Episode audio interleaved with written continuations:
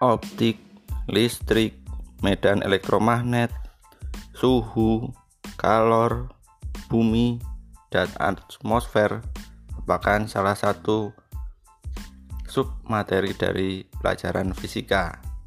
Nah, aku Asim akan membagi pengalamanku belajar fisika bersama kamu. Yuk, kita dengerin di Aku Asim Podcast.